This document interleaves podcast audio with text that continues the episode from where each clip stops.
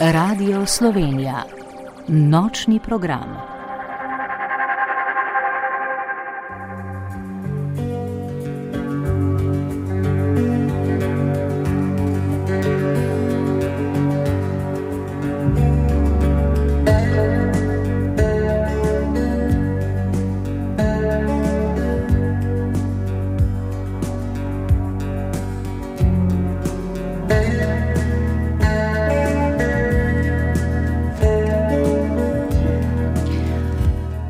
Pozdrav vsem nočnim potnikom, ki to noč letijo s prvim programom Radia Slovenija.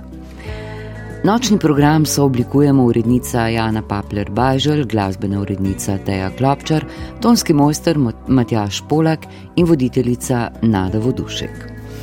Udobno se namestite, ugasnite luči in se zazrite v nebo. To noč bomo leteli vsaj v duhu, če ne že dobesedno, za krmilom letala pa bo Matejš Lenarčič. Matejš, pozdravljen in dobrodošel. Dober večer. Ne vem, če sem uporabila pravo besedo, se reče krmilo v, v uh, letalu ali imate kakšen drug izraz za komande. Komande. Ja.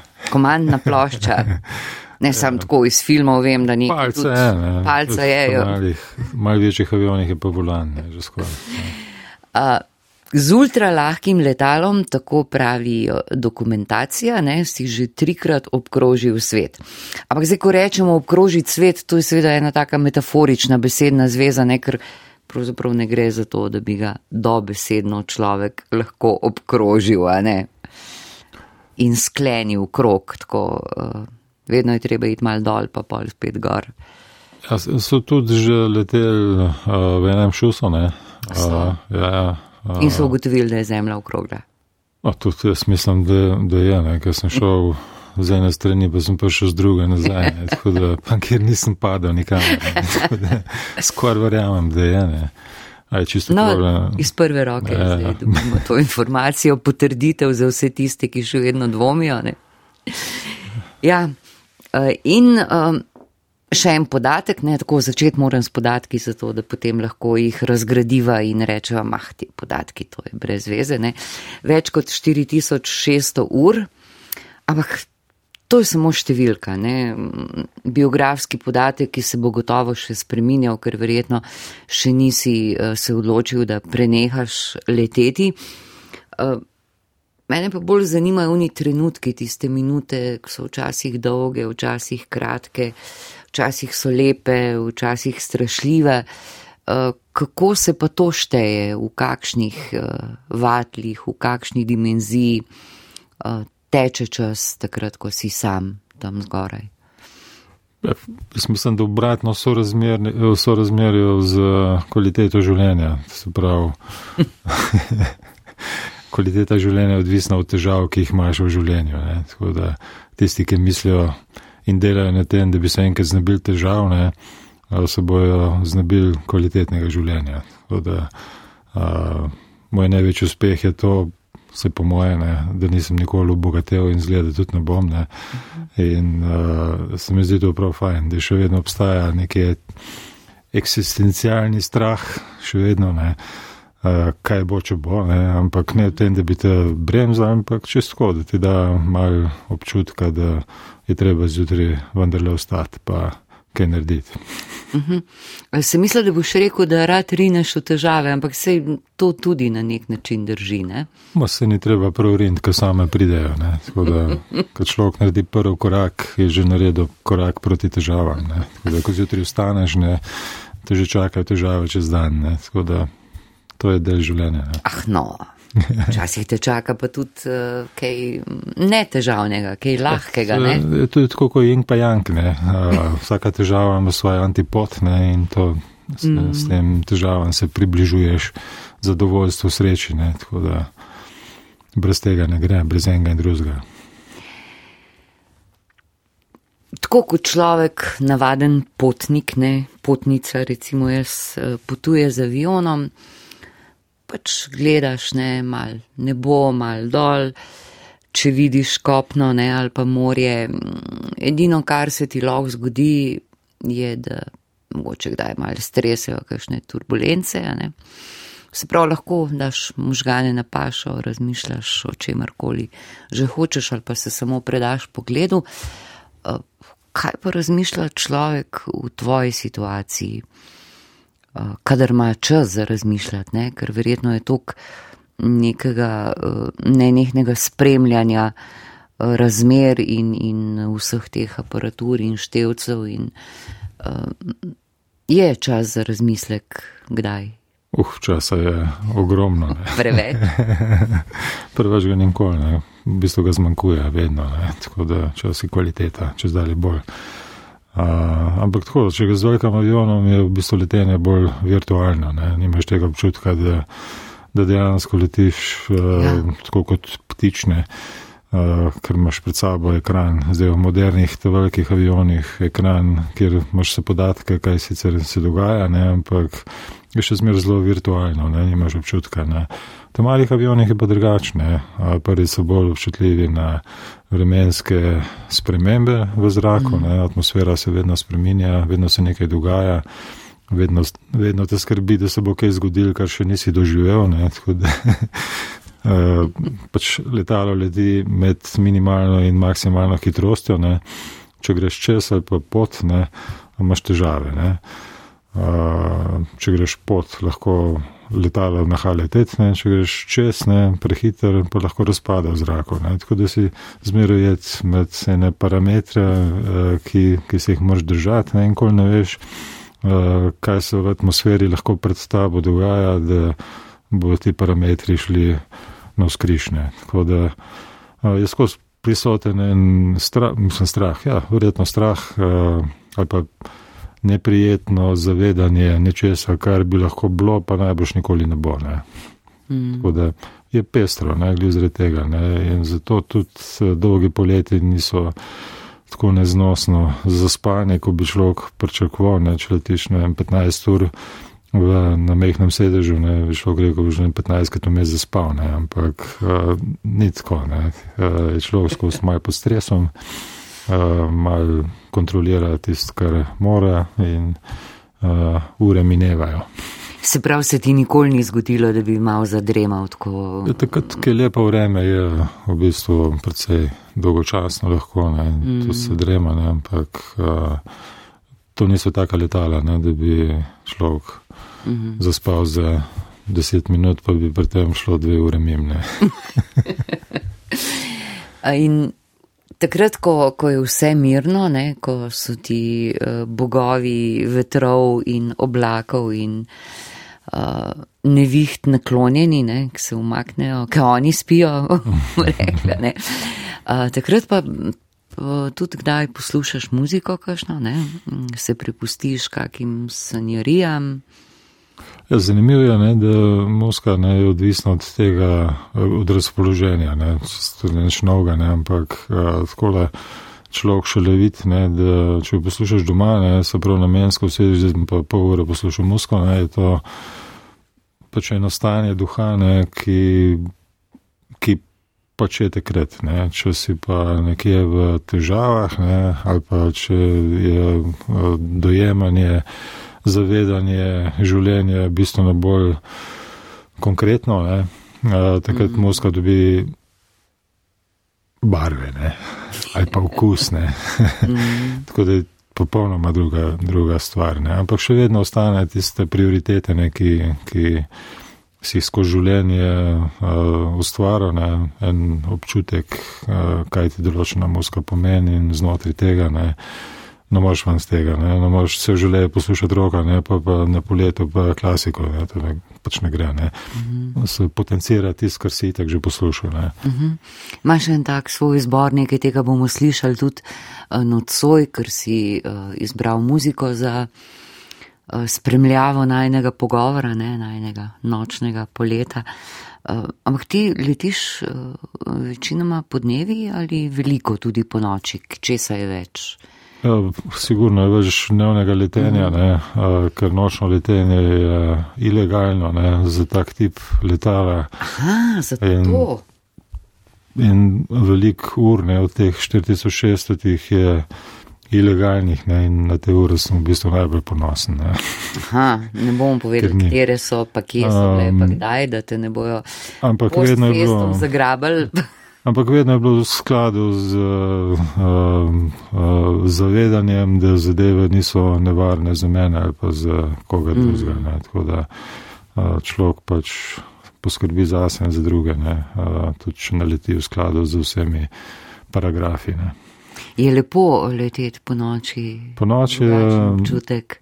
Ja, po noči je v bistvu precej stresno, ne, ker zasilni pristanki praktično uh, niso mogoči, ker pač ne vidiš. Ne če gre kaj narobe, ne, po dnevu še najdeš kje, ne, kakšen plec za pristat, po noč mal težne.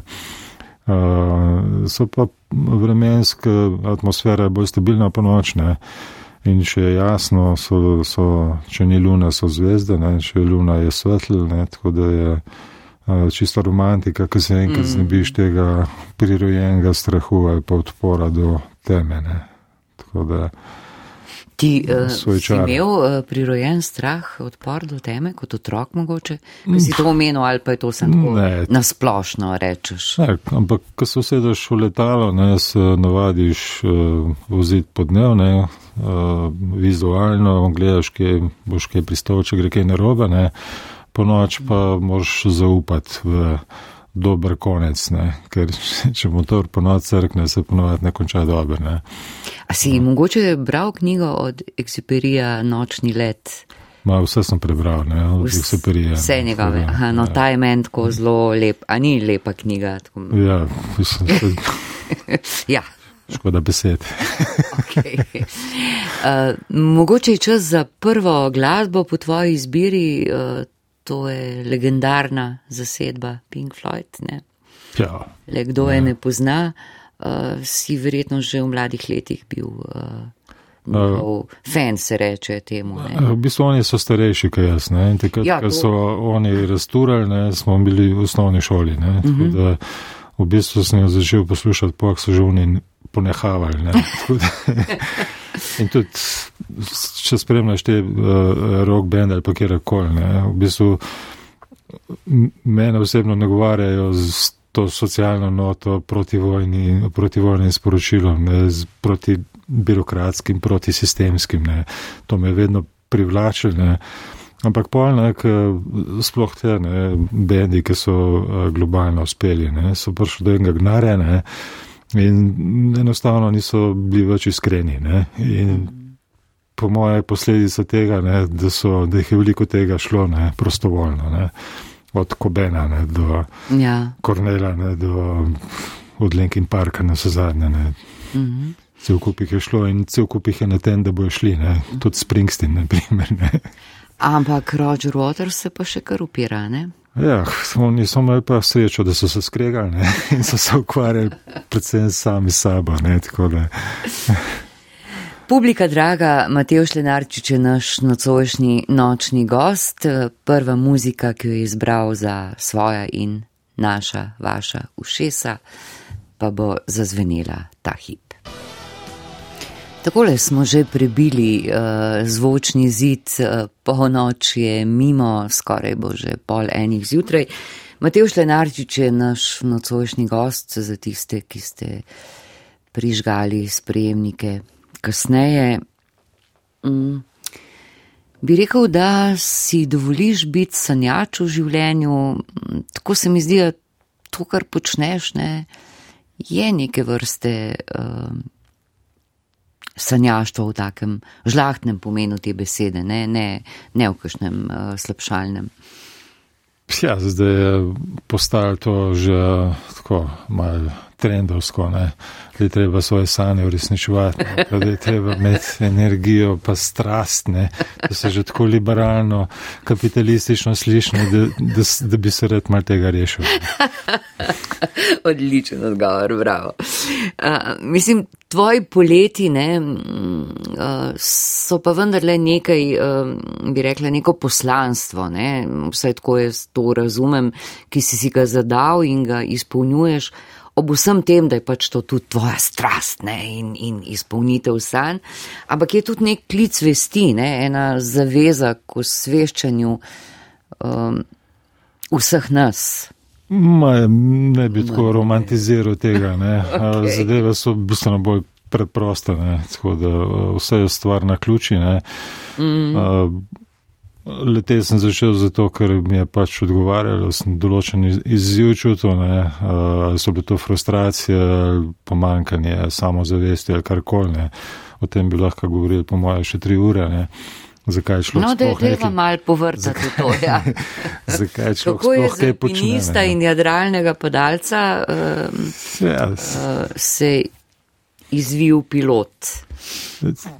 Ja, mislim, da se ne vem odgovora, ne, pravzaprav, ne, zakaj, to je tukaj enih faktorjev, ne, od tega, ne, mogoče, da se čutiš v določenem obdobju pretežkega, pa bi shojšel, ne, do tega, da si nasrečno zaljubljen, mogoče, ne, pa greš, pa greš ra, rane, rane celit, ne, ali pa hribe, ne, do tega, da imaš mogoče samo podobo precej slabo, ne, bi jo rad izboljšal na en način, ne, In vsi ti stresi, ki so, ne pomagajo v bistvu v izgradnji ne, osebnosti, ne, mm. ki si si mogoče ustvaril v glavu, da bi pa mogoče le bil takšen, kot bi rad bil. Ne.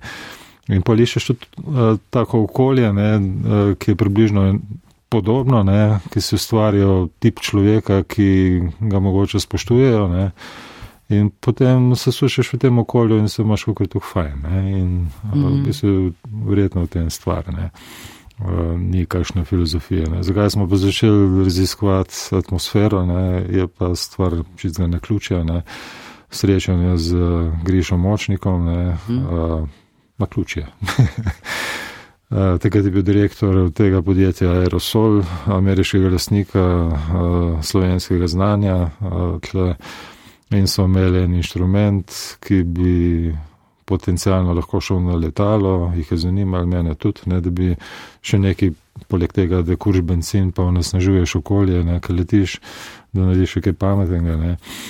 Uh, in potem prvo leto, leta 12, je bil inštrument še bolj tako, ne, ampak podatki so bili izjemno zanimivi, tudi z tega raziskovalnega stališča. Uh, in pa smo naredili prav tipsko inštrument za ultralahko letalo in ga smo ga pa do takrat naprej uh, v okviru aerosola uporabljali, potem je šel griša stran, uh, pa smo tudi inštrument zamenjali. Uh mhm. -huh. Ampak vidva še vedno prijateljujeta ne, in, in sodelujeta. Uh, zorni kot ali pa pogled na svet, ne, ali pa kako koli že tem rečemo, ne, uh -huh. uh, malo zelo podoben. Ne. Uh, in tudi uh, veliko skrb pletiva. Ne. Zdaj smo imeli že drugo leto projekt na zelenoarskih otokih, kjer smo leteli nad morjem. In če letiš z enomotornim letalom nad morjem, se lahko mrske zgodi. Ne.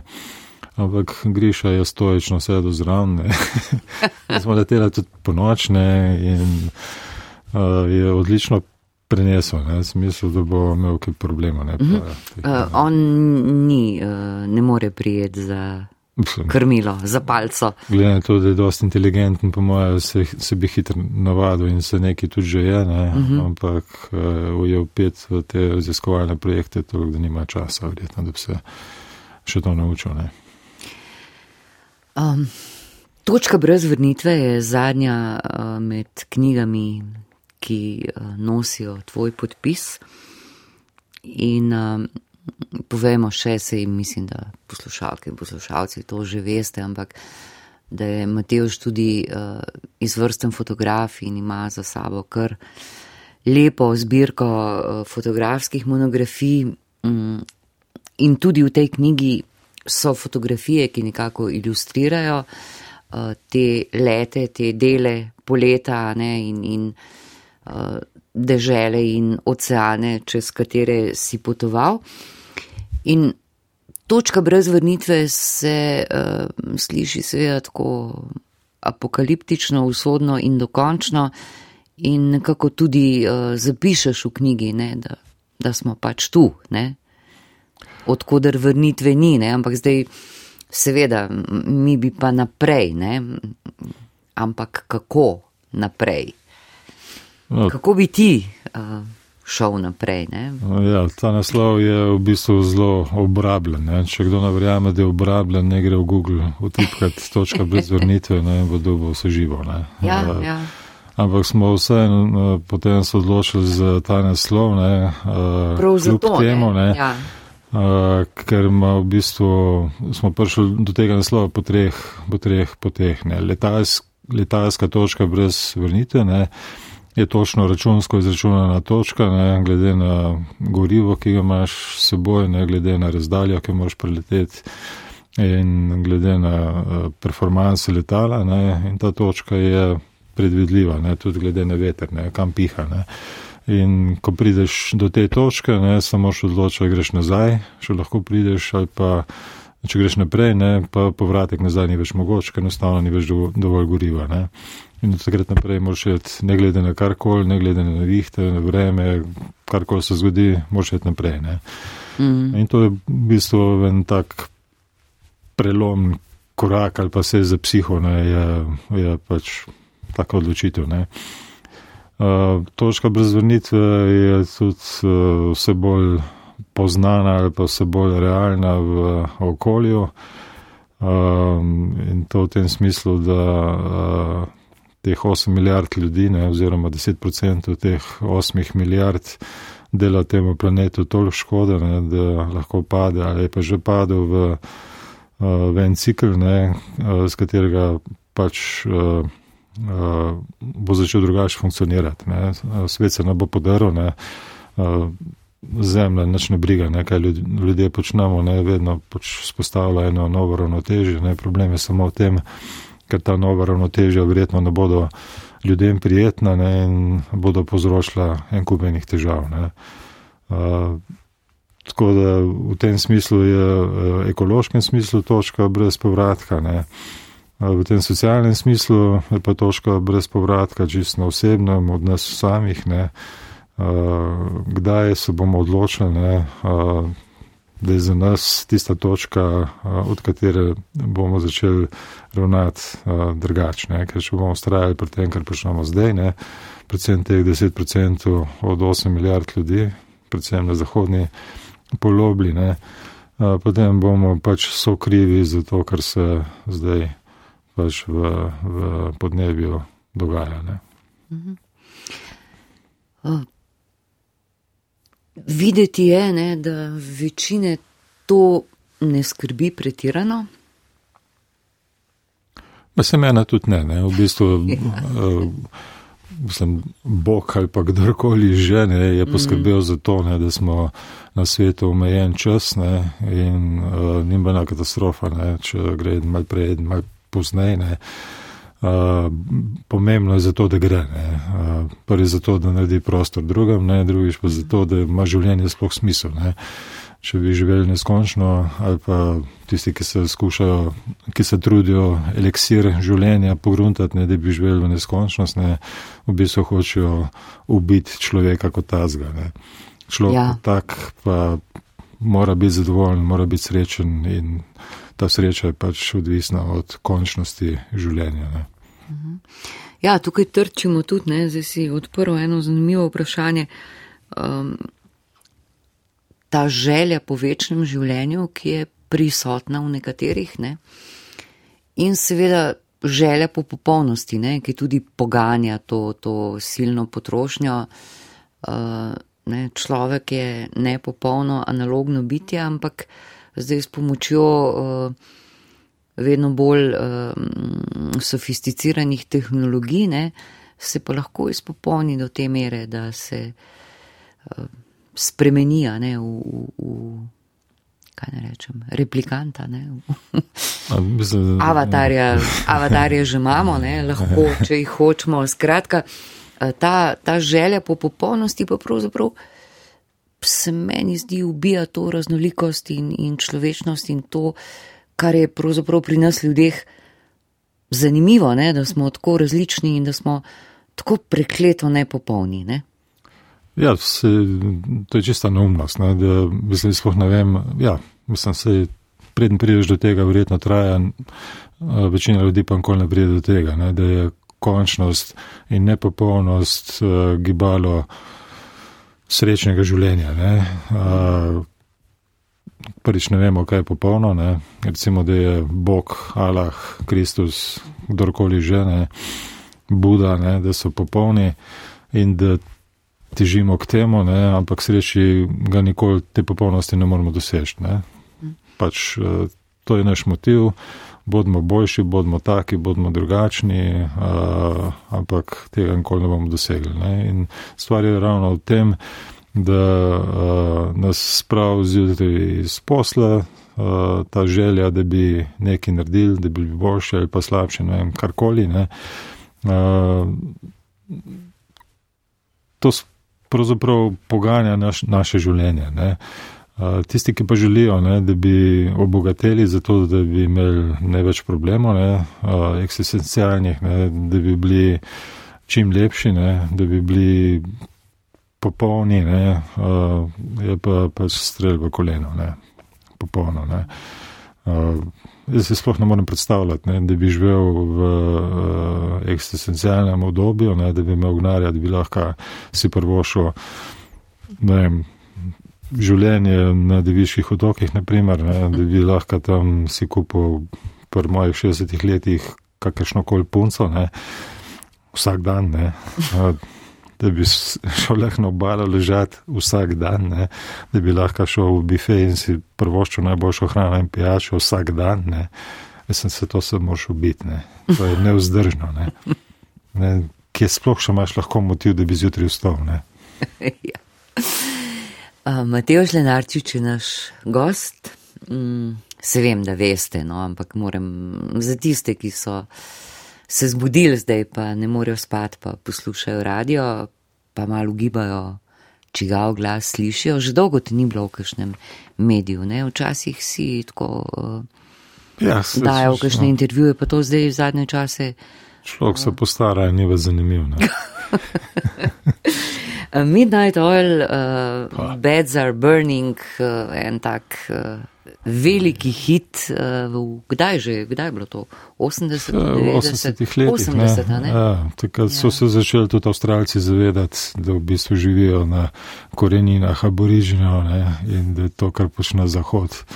Absolutno ni prav in da bi mogli s tem prekiniti. To je bilo že v 80-ih letih, pa se ni nič zgodilo. Ja, ja. odla prpomen, da ja. prekinili pa niso. Uh, Mina je to, naftna kriza. Tako je, nafte je zmanjkalo za ta hip. Jaz upam, da imaš ti dovolj za pot do doma, ampak ne, se imaš električni avto. Ja, se vozim pa zdaj že dve let čist na sonce. Da, čist na sonce. Ja. Uh, to se obnese, ne? Hi, mislim, da imaš hišo tudi uh, ja, na sonce, tako rekoč sončni kralj. Malo večjo bajto prodali in smo uh, z ženo naredila predvsej mehno, ne? Uh, zelo izolirano pa eno mehko elektrarno gor in je bilo tukaj elektrika, da uh, smo jo mogli podariti elektrogospodarstvu, tako da je bilo nujno pošal to kupne. Ampak je to edina res ekološka bodočnost, mislim ekološka, če ne drugega, samo skrbna in zato manj obremenjujoča za energetski sistem, ne, svetovni. Ne pustimo ekologijo. Ne. Ja, ekologijo pustimo, lahko. Pustimo baterije, disko, pa, ja, pa ne. O tem lahko diskutiramo. Nič ja. ekološkega ni, dokler človek živi, ne, ne more živeti mm. ekološko. Ne. To je dejstvo. No, to, ja. Ja.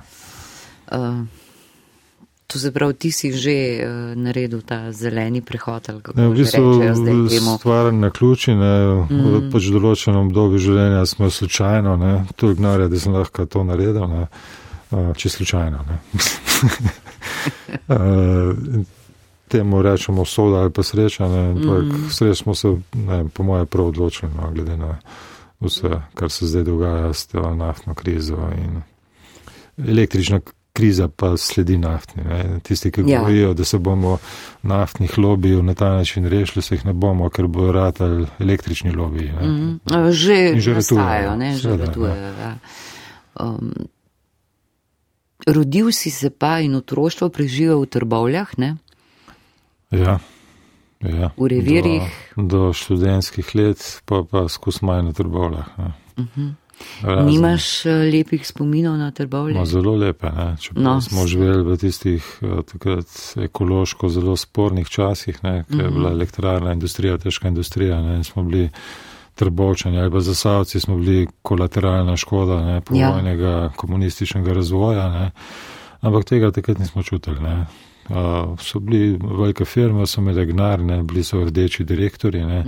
ki so imeli radi lokalne karkoli že, futbalerje, alpiniste, vse sam, da je bilo lokalno ne, in so rekli za naše fante, bomo pa že poskrbeli ne, in ni bilo problem dobiti sponzorski gnar za alpinistično odpravo, za nič ne.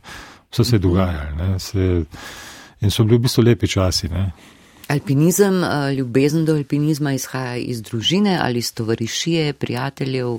Iz družine. Ne. Uh -huh. Ata in mama sta hodila v hribe, mama je bila učiteljica, je imela šolske izlete, mi smo mogli po službeni držnosti zraven hoditi. Ne. In pol- Otroci ali tudi oče je moral iti zraven. Ne. Oče pa je tako hodil v hribe že tudi, mm. nekaj plezal. Ampak eh, ostane ti tisti uh, von ali pa občutek uh, sončni zahodi, ki ti grejo takrat mim, ne, glavni je dober sendvič, pa malinoc ne, takrat. Uh, ampak ostane, ne, se ti zakoreni ne, nekam, ne vem kam. Ne, in to je bil v bistvu razlog, da pol iščeš takšno družbo in ko najdeš takšno družbo, pač to počneš. Um, alpinizem, plezanje, to je res nekaj, kar te verjetno zagrabi, prime, te ne spusti. Ja, te definira predvsem zaradi okolja. Ne. Prvič je izjemno lepo okolje, ne. A, alpinizem se dogaja v čudovitih pokrajinah, hribih ne. in pa Ja. ja. tovarišija, ne. prijatelji, ki Mm. a, če skrb doživiš kaj navarenga, ne, pol res postaneš prijatelj, ne, tudi če pol nekateri grejo v politiko, ne. ampak to te nič ne moti. Ne, pol.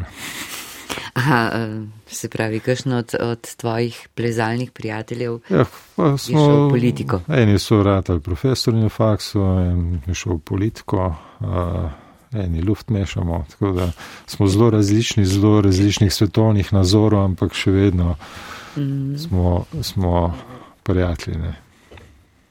Mislim, da tudi v tej knjigi eh, nekje omeniš eno to alpinistično epizodo, kjer ste premagali strah, ne, mm, odvrgli nahrbnike, ki se je približeval Ja. glas in potem, no, povej ti zgodbo, da ne, A, ne tiste je bilo- obnavljam jaz. Bolj v bistvu opis ali pa dilema ne, o, o optimizmu in pesimizmu. Ne. Mm. Kdaj se optimizem konča, pa se začne pesimizem ali pa obratno. Ne. Kaj je tukaj zdaj ta eh, liberalna scena, ne? moramo biti optimisti, moramo verjeti v dobro, moramo videti pozitivne stvari, moramo videti same rožice in svetlo in pozabiti na tisto temno, ne? ker gre meni na bruhanje, kaj to poslušam ne? in gledam slike na Facebooku, same lepe, vsi so popolni, vse je krasno, vsi so srečni. Ne? Tega itak ni. Ne? Uh, ampak takrat eh, v bistvu ta dilema, ne, uh, vsi smo bili seveda nebildani, ne, uh, egocentrični, netrenirani, ne, to moramo je to hribe, to bomo, bomo to splezali. Ne. Uh, in pa se tam podren sarak uh, v, v eni steni južna napurna, ne, in si, ki je bilo dosti stran, ne, si še kar samo zavestni, ne, pa Mm. slikamo, fotografiramo, zbijamo štose, ne, črne štose, ne, se sidek nam bo pršel, ne, ampak pa je tisti plas prihaja bližje in bližje, ne, in smo se tako spremenili v blazne pesimiste, ne, in mm. Mm. stili rukzak, upremo se in zbežali na drug hrib, ne. Tako da uh, meja, kdaj se kaj začne, ne, to je Mm. umetno ustvarjena in jaz mislim, da, uh, da zdrav, zdravo, zdrava mera uh, optimizma ali pesimizma, uh, kar ne bi bil v bistvu, kar toliko uh, realen pogled na svet, je še najboljša. Ne? To um, iskanje, mislim, ne vem, če je to prava beseda, iskanje nevarnosti, ampak ja, je nekaj tudi v alpinizmu tega um, želje po tveganju. Ne? Prej si rekel, ja, pa seveda, ko si mlad po dokazovanju, po ego, ne, je takrat še zelo močan in, in ovir praktično ni, ne, vse, vse je možno, vse se da narediti, ne, in ni niti strahu, ampak previdnost pa verjetno je nekaj, kar alpinist mora imeti uh, v sebi, da, da preživi. Ne? Jaz mislim, da vsak, kako je psihično stabilen eh, človek, alpinist ali karkoli že, ne poskrbi za svoje ritme, mm. da se mu čim manj stvari neprijetnih zgodi. Ne. Po drugi strani ne, so pa te izzivi strah, ne, v katere rine, ne, mu prinaša kvaliteto življenja, ne, barvo v življenje, ne, ali pa musko drugače sluša, slišne, ali pa slike drugače vidi, pokrajino drugače dojema. Ne. No, se zadnje tudi eh, so ljudi drugače dojema. Ne. In je, je vsak človek ujet med to, ne, da bi rad imel kvalitetno življenje, zato rino težave, ki jih premaga, je euforično srečen, ne, ali pa kakorkoli že temu rečemo, ne, in to ga svoje zasvoji, ne, a, tako ko vzameš heroin ali pa vzameš, ne vem, hašiš, začneš, pa nadaljuješ na trdo drogo, ne, a, v bistvu bi rad doživel še, še, še takšna občutja. Mm. V hribih je jih tako, med letenjem je ravno tako. Tle, uh, kemiki bi rekli, pač, da se, ali pa biokemiki, da se sproščajo enake substance, ne? kar verjetno tudi je, ne, v določeni meri, ne, ali pa tudi ne. Tako da odvisno, ne, verjameš tem uh, analitičnim analitičnem, tehnokratskem pristopu do bivanja ali ne, ne to je stvar pač odločitve. Ne. Mm. Ampak pri, še malo stanva v gorah, ne, ki si naredil to primerjavo, ja, ki, ki jo seveda ne, znanstveniki, raziskovalci naredijo, tako kot si povedal, ne, da je občutek isti kot pri, pri uh, uživanju droge. Uh, je pa vseeno tako, ne, da, da je ta uh, doživetje v hribih ne, tega, ne samo tega lastnega občutka, wow, ne, splezal sem gor, zdaj sem tle na strehi sveta, in, ampak tudi občutek uh, tega, kar je okrog tebe, ne, narave, isto kot pri letenju, je pa drugačen, ne, ko si ti v, v, v objemu uh, neke omame, ne, si bolj v sebi, ne? manj te zanima zunani svet, medtem ko v gorah, v letalu, v zraku je pa ta svet kar prisoten, ne? pa ni tega odmika. Um... Ne, v bistvu uh, živiš, ne. Živiš. živiš. Vsako ja, sekundo to. živiš, ne. Mm. In to je tisto, kar je. Ne? Zdaj, če hodimo v službo ne, od 8 do 2, ne, ali pa od 6 do 2, ne, vsak dan isti ritem, isti to uh, čas beži ne, in težko temu rečemo, da živimo, ne, da se zavedamo mm -hmm. vsakega trenutka, ne, da smo po, po liberalno-kapitalistično čuječni. Vidim, da tako rahlo si skeptičen uh, do, do tega izrazoslovja, ne, do tega novo reka neoliberalističnega. Uh, do te prisilne sreče, ali kako bi človek temu rekel. Ja, ker je pač vzad trgovina, ne, Se, mm. ne gre za drugega, ne. nekdo bi nam rad nekaj prodal. Ne. Uh, zato so pač iz, metode so različne ne, od tega, da vem, tiskar, od prodajnih akcij v Interšparu, pa Lidlu, pa vseh teh uh, skozlanih uh, prodajnih centrih ne, do uh, vem, čuječnosti, kot smo rekli, ali pa treninga čuječnosti, zavedanja samega sebe ne, in prodajanja teh uslug. Ne. Ja. V bistvu zelo enostavno, ne, ne gre človek uh, v hribe, ne, takrat, ko je slabo vreme ne, in bo čuječ in postal brezplačno.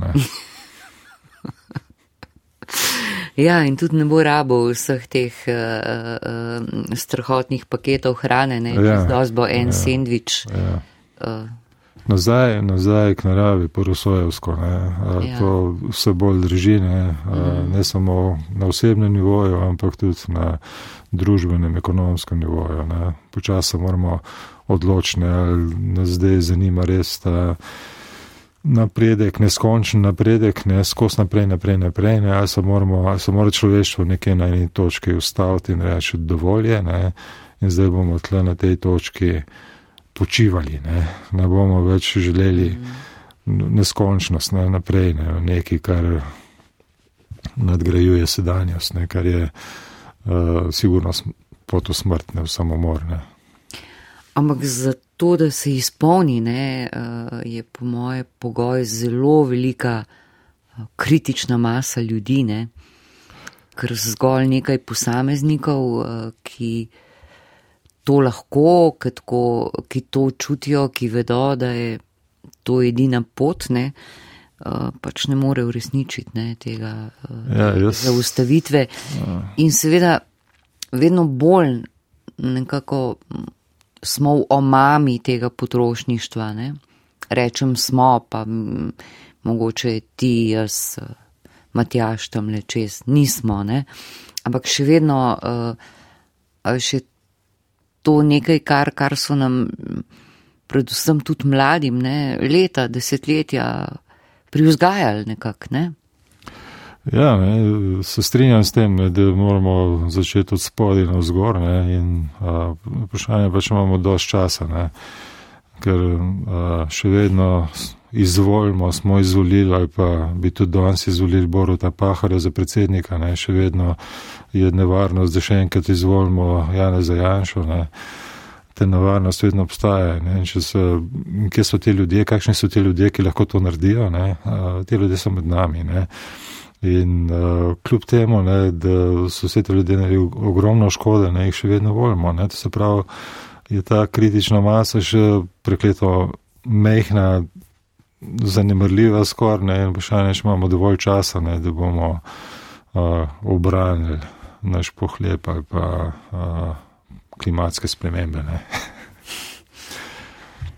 Še bova govorila o času in o tem, kaj lahko naredimo, pa mogoče tudi o kakšnih drugih temah.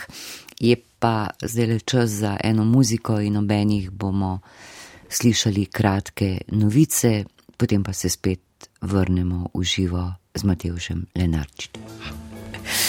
Evo, tole so bili Pearl Jam, uh, Matevž Lenarčič uh, še vedno z nami v studiu. Uh, Tale tvoja potovanja so kar dolga, ne? Mm, Kako pa doma uh, reagirajo na to, kako si to uredil, kako se je družina navadila, da, da Matevš odleti, pa ga pol kar ni, pa včasih uh, tudi ne vedo povsem natančno, katere koordinate te držijo v šahu. Ja, egocentrik pač ne. Tako da, uh, zdaj za nazaj, ne sploh z mulerijo, ne, Mm. že malo čutim, ne, da mogoče pa ni bilo čist prav. Ne. Ampak um, takrat pa nismo tega občutka. No. Katarina, žena, je tako samostojna. 150%, tako da nima problema z, z mojo eksistenco, oziroma imam jaz bolj probleme z eksistenco kot ona. Ne.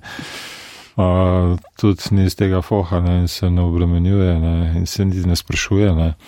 Tako da čim manj ve, manj boli, ne, kar je dobra filozofija. Ne. Modra ženska, ja. Ja. Uh, pri, pri otrokih je pa tako, ja, verjetno jim ni bilo vse, ne. se meni tudi ni bilo, ne. ampak mm. kot odrasel človek gre pač včasih preko tistega, kar ima rad, ne samo zato, da bi lastne ego na filo. Ne.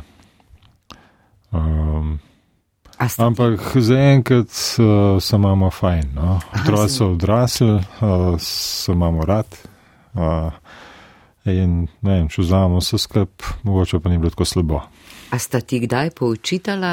Uh, Ne, nihče Ne. nikoli. Ne, no, to, ne.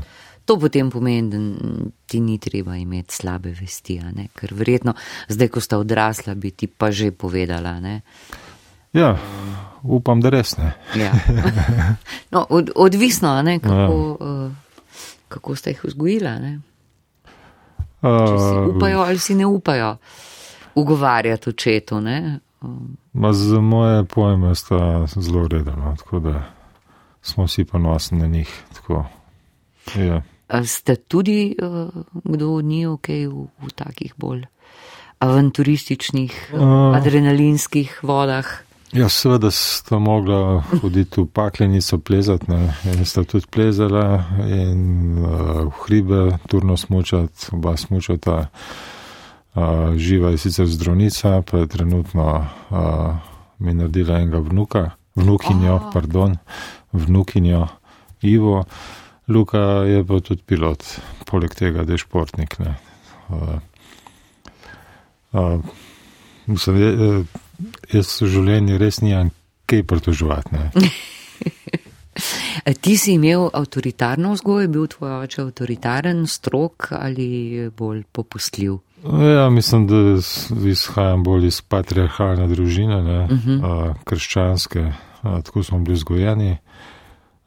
Pa smo začeli lastne možgane uporabljati, a, je ta vzgoja sicer ustala, ne, a, ampak a, ideologija crkvena mi, mi pa nikoli ni dišala, tako da kar se tiče crkve, a, me ne zanima nič. Ne. Kar se tiče vere, me pa zanima veliko stvari, ne. tako da tudi krščanske. Uh -huh. uh, glede avtoritarnosti, potko ne. Uh, moja tašča je bila učiteljica v osnovni šoli, me je tudi učila in je bila znana potem, da nas je pretepala. Resno. Ja, to so bili taki cajti, ne. če bi bilo zdaj, bi šla v zapor. Ne. In včasih to ni bil problem, ne. tudi mi smo otroka, sem pa kaj poritne. Uh, mm tako je pač bilo. Ne? In še zmeraj mislim, da je prav. Ne? Tudi mislim, da v šoli ta permisivna vzgoja, ki zdaj obstaja, je v bistvu za, učence izjemno slaba. Ne? To, da lahko vsak starš problematizira vsako besedo od učitla, ne, je to živa katastrofa. Ne. To ne sme biti. Človek, učitelj mora imeti avtoriteto, starš mora imeti avtoriteto, kako si že pridobi, ne sicer ne s palcem in s mm. pendrikom, ne, ampak mm -hmm. z vzgledom ali pa tako. Otroci morajo vedeti, kje so meje. Ne. Če smo živeti skupaj v določeni družbi, tam veljajo določene meje in če se teh mej zavedaš, lahko funkcioniraš, če pa živiš v prostoru, kjer ni nobenih meja, si pa zgubljen in ti postanejo potem meje nekje druge, mogoče v drugi ali pa še kje druge. Mm. Ja, ampak uh, permisivnost uh, zdaj res kaže zubene um, zadnjih nekaj desetletij. Ne mislim samo uh, v, na področju vzgoje in šole, ne, ampak nasploh. Um, tudi v politiki, če hočemo. Ne. Vse je dovoljeno, nič ni prepovedano. Um, ali, se smo imeli. Omenil krščanstvo. Ne. Bog je mrtev ali kako? Ne? Uh, nikakor ne. ne. Se smo videli zadnje dve leti, kam grejo stvari, ne, če je vse dovoljeno, ne, če ni nobenih meja, niti v politiki, ne, tako da tle ni nobenega dvoma. Ne. Meje morajo biti jasno postavljene, vse zadnje je zato uh, družba, ne, zato je država, ne, da te meje postavlja in zato je tudi religija. Ne, da, postavil okvir, znotraj katerih se lahko gibljemo in uh, postavljene etične vrednote, etične norme, katere je večina ljudi sprejela, da so prave in uh, da lahko družba uh, s takšnimi vrednotami funkcionira. Ne. Če se to enkrat podrane, pa smo pa, uh, v, vem, če, si, če si brala knjiga Cesta ali film, ki je bil tudi uh, posnet po tej knjigi. Mm. Ne, od Krakava, res mi zdi, ne. Pa smo pa tam, ne. Kjer ja. ni nič, ne. Kjer ni nobenih okvirov, samo še džungla, egocentrizem, lov mm. v družbi, ne. Kamor, kamor tudi gremo, ne, zdaj. Ja, vse veš, ne, zdaj, za, za nekatere pravila veljajo, za druge ne veljajo, ne, tudi to je del. Uh, uh, stvarnosti človeške, pa Ampak, ne samo zdaj, ne skozi vso ja. civilizacijo. Vsi tako šimfajo uh, komunizem ne, in ta nepravičnost, ki ga je v bistvu ustvaril, ne, ampak takrat je kradel par ljudi. Ne. Zdaj pa kradijo vsi, ne, ker je kraja laž je postala norma, uh, pohlep je postal uh, pozitivna, uh, pozitivna lastnost. Ne. In zdaj tisti, ki ni pohlepen, ki ne zna legati in ki ni uh, lopov, ne, težko uspe, ne, tudi na rekovaj. Ja, o tem, kar, kar veliko razmišljaš tudi v knjigi, ne, uh, točka brez vrnitve uh, in praviš celo, da je ta pandemija pohlepa ne hujša od, od katerekoli druge bolezni, ki grozi ali pa pretine človeštvu in nekako polagaš upe v mlade, ne, da so oni edini, ki lahko to pandemijo ustavijo oziroma praviš, iznajdejo cepivo proti njej. Ne. Ja, v bistvu cepivo je ni kemično, ne, ampak mm. je v bistvu, tako kot smo prej govorili, ne, da se mora spostaviti kritična masa drugače mišlječih in te so lahko samo mladi, ne, ker mi stari smo tako upeti v določeno vzorce, da je naša edina, naše edino poslanstvo, da čim prej gremo. Ne. Mladi se pa, se pa vidi, da je število pozitivno mislečih ali pa etično čutečih ali pa empatičnih eh, čez dalje več ne, in to je pač prihodnost, ne, brez dvoma. Ne. Stari smo zafurali, smo prefurali planet do tega, da ga zafuramo, ne, troc ga bi mogli pa reševati. Spremljaš ta um, gibanja mladih, tako mislim slediš dogajanju, verjetno ne, kaj, kaj počno. Recimo, meni so zelo všeč te Balkan River Defense, ne. mislim, všeč je taka butasta beseda, no, ampak mislim, da se uh, zauzemajo tako zelo pošteno, zelo iskreno uh, ja, in zelo zares. Ne. Jaz mislim, da je edina, edina uh, zdrava družbena sila je civilna družba. Mm. Uh, ko civilna družba pride v politiko, ne, je v bistvu zgubljena. Ne. Tako da sem prav vesel, takrat, ko je Jaša je nul, ne, v bistvu furu to sceno proti, mislim, sceno kolosarjev, ne, se mi zdelo vrhunsko, ne, da niso šli v politiko, ne, da so ostali civilna družba, stranski pogled, neobremenjen, nekupljen. Uh, in, uh, žal pa velik, velik aktivistov zamika oblast pod krinko, da brez tega, da si v politiki, neč ne moreš spremeniti, ne, kar absolutno ni res. Ne. Ja, eh, pač sistem je tako narejen, ne, da slej ko prej eh, večina tistih, ki jim je mar za javne zadeve, ne, za družbene zadeve, pristane, hočeš, nočeš v politiki ampak uh, v stranki, ne? ampak kot pravi Simon Vej, uh, ne, stranke so zelo v čisti obliki. Ja. ne, brez pripombe. Ne. In ne poznam, da zdaj je politika, ne, ki bi zdržal ta pritisk. Mm. Pohlepa, ne, po čemrkoli, ne, se pohlep ni samo pognarja, ne, pohlep je po oblasti, pohlep je po mm. potovanjih, pohlep je po v znanstvenih krogih imamo en kupenega pohlepa, ne, po točkah, po napredovanju. Po, ja. In tega pohlepa ni nikoli konc. Ne, in tisti, ki se zna temu pred, ostati v določenih okvirih, lahko normalno funkcionira in ima v bistvu, po mojem, zelo pogled na okolico z določeno distanco ne, in to se mi zdi izjemno pomembno. Ne. Muziki se pa ne bova uprla zdaj, ne? Ne. Pol druga jutranja ura poslušate nočni program na prvem. V studiu sva pa Mateo Štenarčič in uh, jaz. Jaz. Ko se je to dobro slišati, vse veste, ne, jaz, una. Uh, in nekako sva pripotovala, ko pa vem, dokam, kje, kje so že prej uh, letela pred, preden sva si privoščila muziko. Aha, politika je bila v igri. Jaz bi se zdaj vrnila v knjigo, ker se mi zdi uh, tako mogoče povabiti poslušalke in poslušalce k branju knjige, ker je en tak res zanimiv preplet, uh, to sem že enkrat rekla, nocoj, uh, razmišljanja in, in potopisa in dogodivščin, ampak tudi nekih informacij, podatkov o državah, v katerih si pristajal ali pa čez katere si letel, jih opazoval iz zraka. In um, tako zelo zanimivo se mi zdi to poglavje o Šrilanki, kjer si nekako obujal.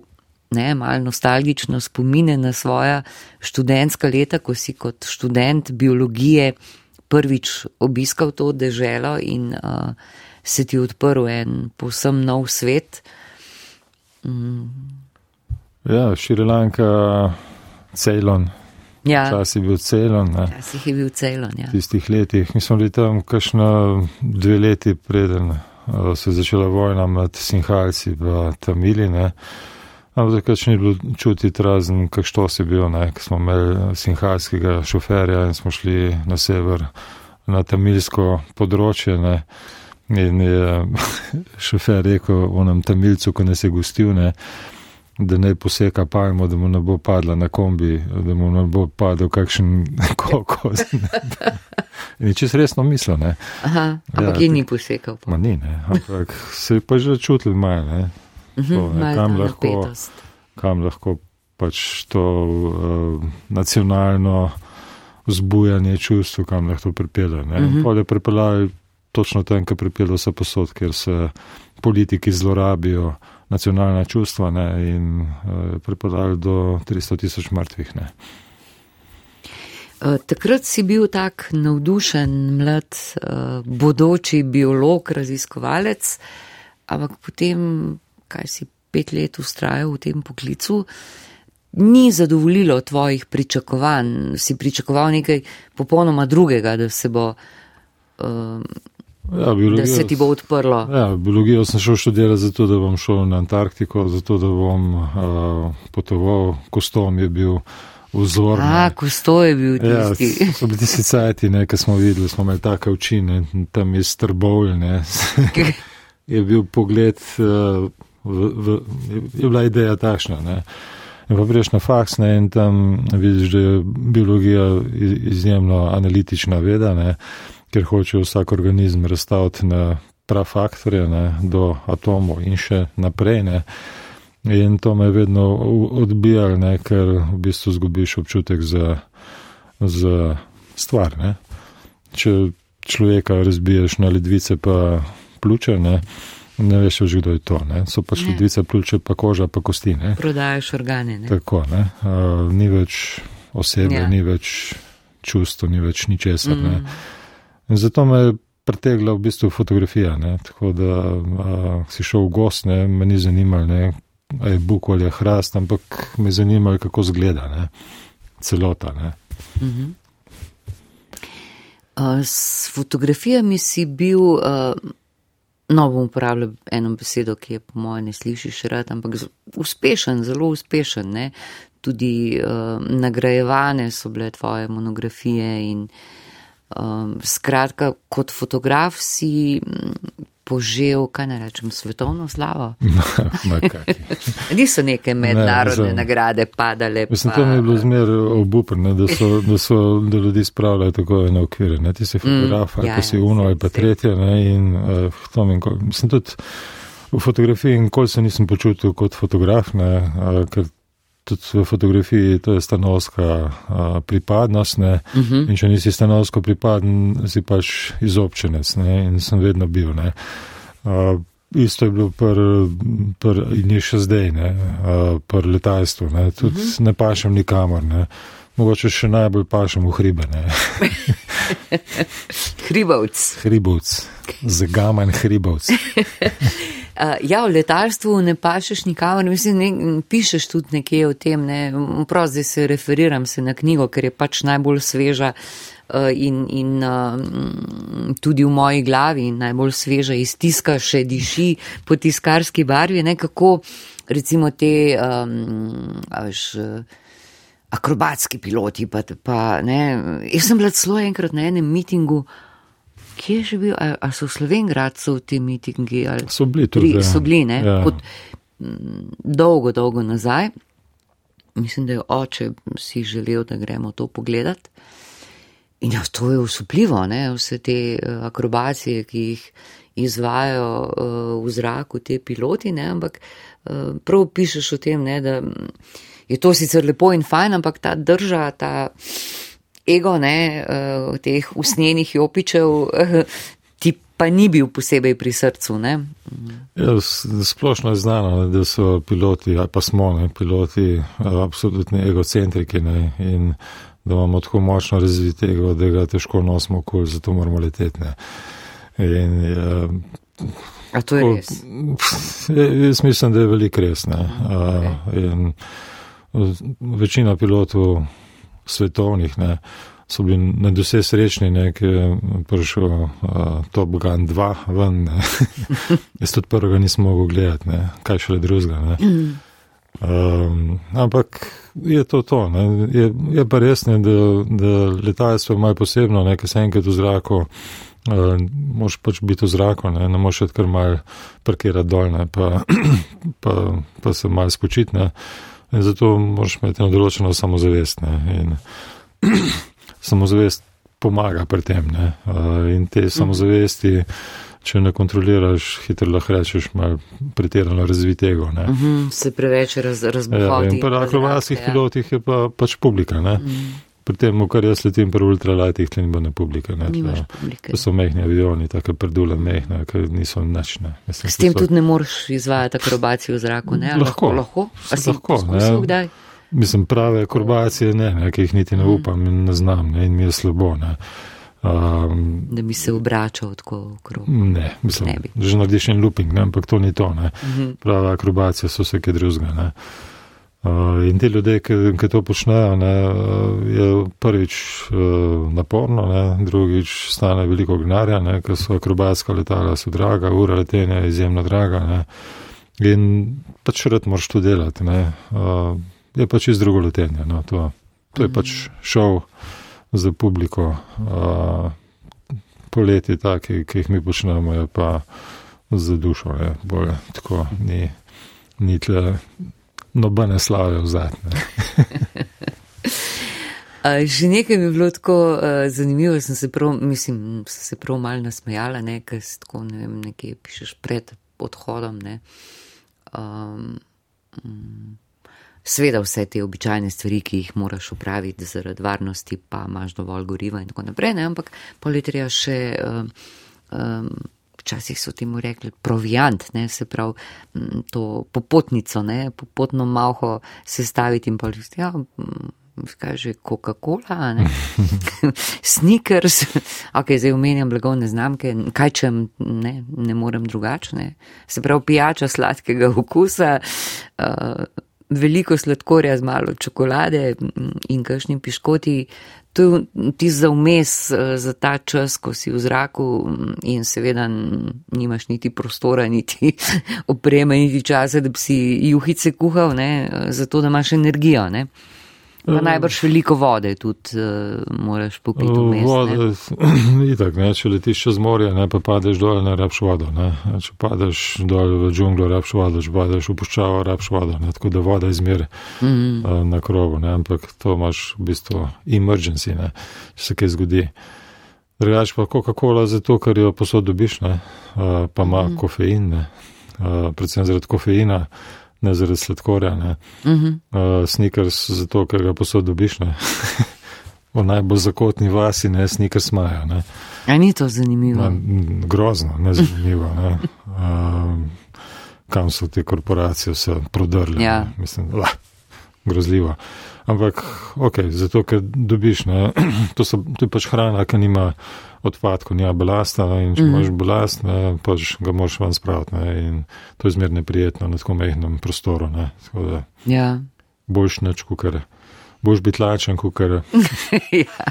Že in boljš, da ne, ne, ker lahko dehidriraš in pri teh letih lahko dobiš že kako vensko trombozo, ne, mm. to treba pasne. Ja, se to pa tudi ni, ne, tako moraš to kar mal paziti in imeti pod kontrolo, ne, ker ja. koliko ur v zraku seveda poveča, ne, možnost, da, da se kaj kje Mam, pojavi. Ja, imam plan, ne, kako pač razgibam vse uh mhm. -huh. okončine, vse sklepe, vse mišice, ne, od obraznih do tiste na mazincu, na nog. Ne, da, a, brez tega bi ja, tudi pomagal pri koncentraciji.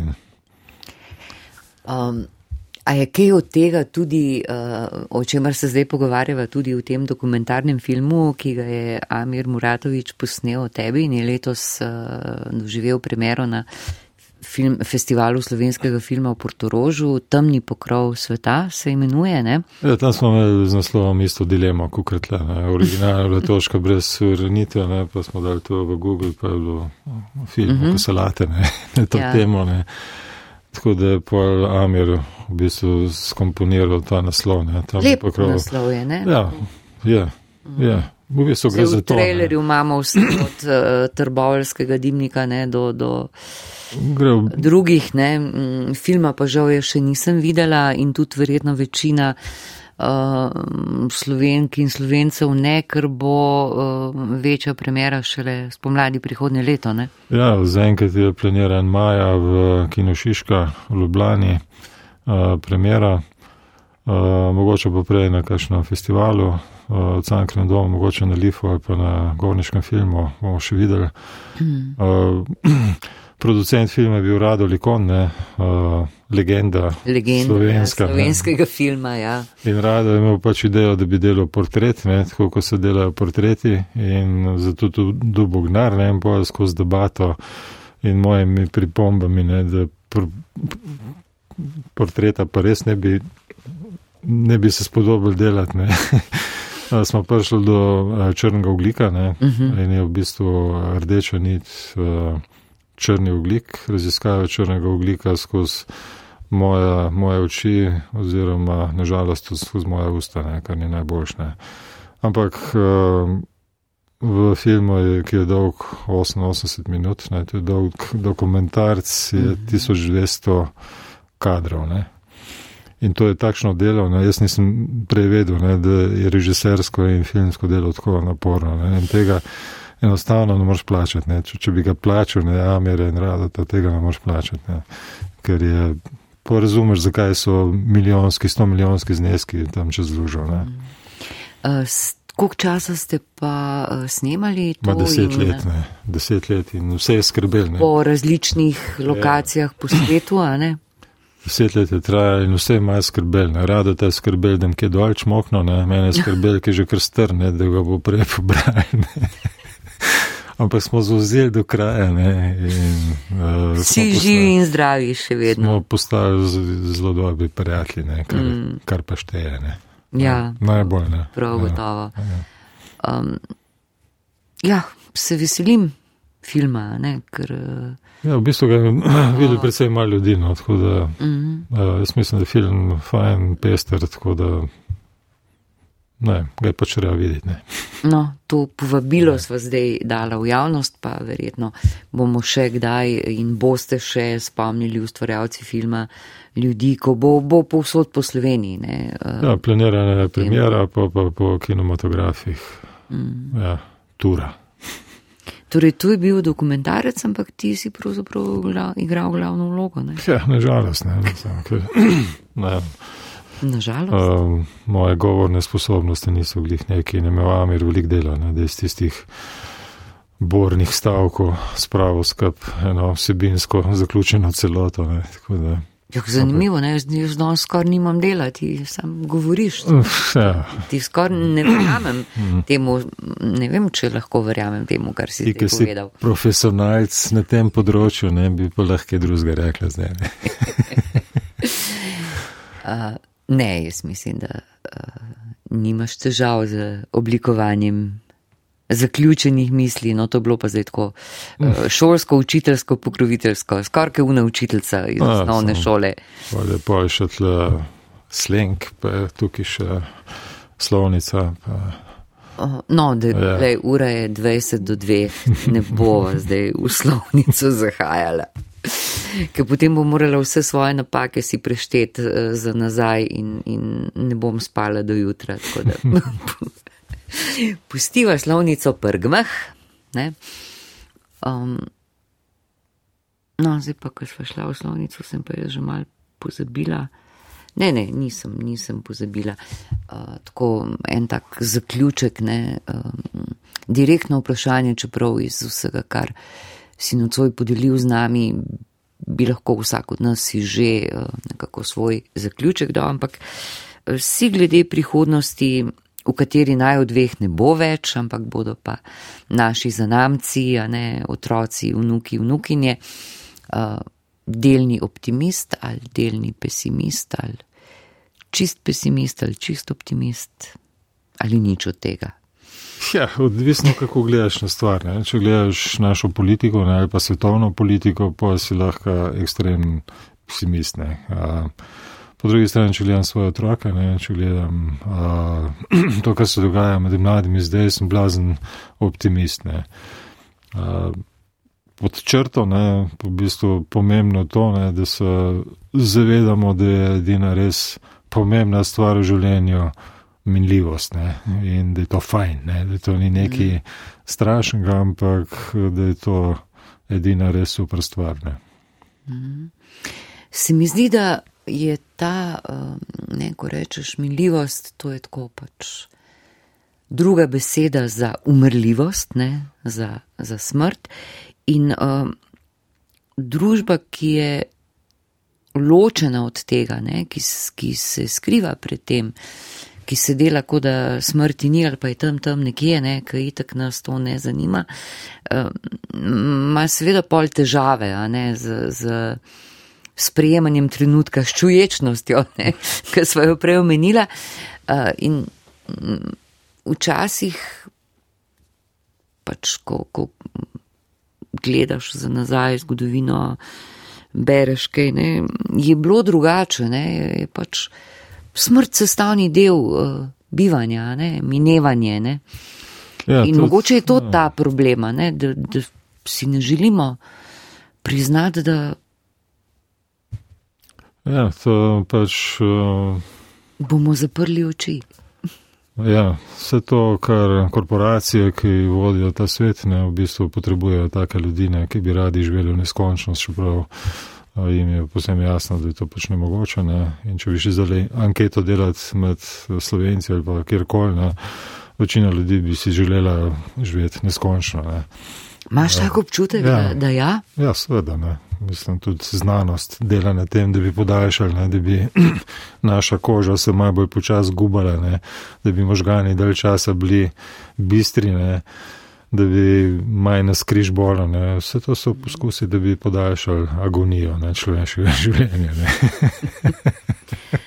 ja, mm, sem nedolgo tega sem se pogovarjala eh, z nekom, ki. Mm, mu je pač eden od staršev uh, zelo že v letih, uh, v težkih uh, mukah, ne, se poslavljal od življenja in si je želel pomoči ne, pri tem slovesu in seveda je legalno pri nas in še marsikaj druge, ne razno zelo redkih državah, človek ne more dobiti. Ne, in ta debata o eutanaziji je zelo, uh, ne, to je ena takih etičnih dilem, ki, ki ni enoznačna, ne, ki se ki je zelo težka ne, in človek razume eno in drugo stran, ampak podaljševanje agonije, kot si rekel, zato sem se spomnila. Ne, sej, eh, če bi bilo vse krasno, ne, tudi zguba mi bi šlo, ampak sam, da bi bilo počutje dobro, se človek ne bi branil še kakšnega leta več. Ne. Ja, ravno kar je šel, mislim, polet letos, ne, je šel dober prijatelj z Brazilije. Uh, smo bili tam, pa oni so bili pri nas, tako da smo se tudi pilotke lete okoli sveta že dvakrat, se mi zdi. Uh mhm. -huh.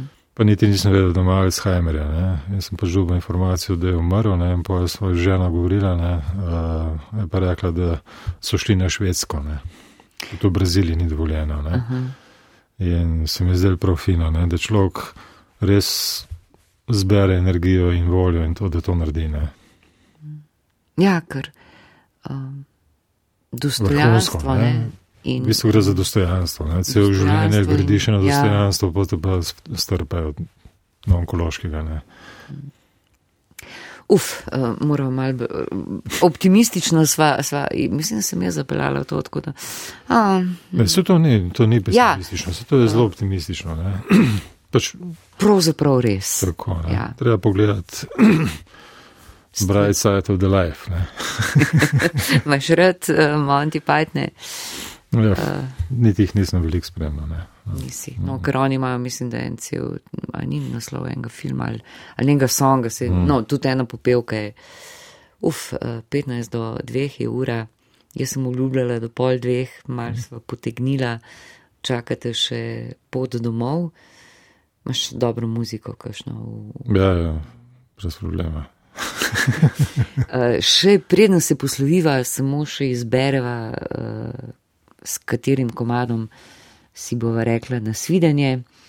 Um, mava še na voljo Linkin Park, Sidarto, še ne Pink Floyd, Dire Straits. Ali... Ker Linkin Park, da ne ušli ljudje spat. A, prav, prav. Ne se zbudijo do kraja. Ne. Prav. Uh, Mateoš Lenarčič, hvala lepa, ker si bil nocoj gost v nočnem na prvem, pa uh, zavrti svet okrog prsta čim večkrat. Hvala lepa, enako prijetno debato. Lahko noč. Lahko noč.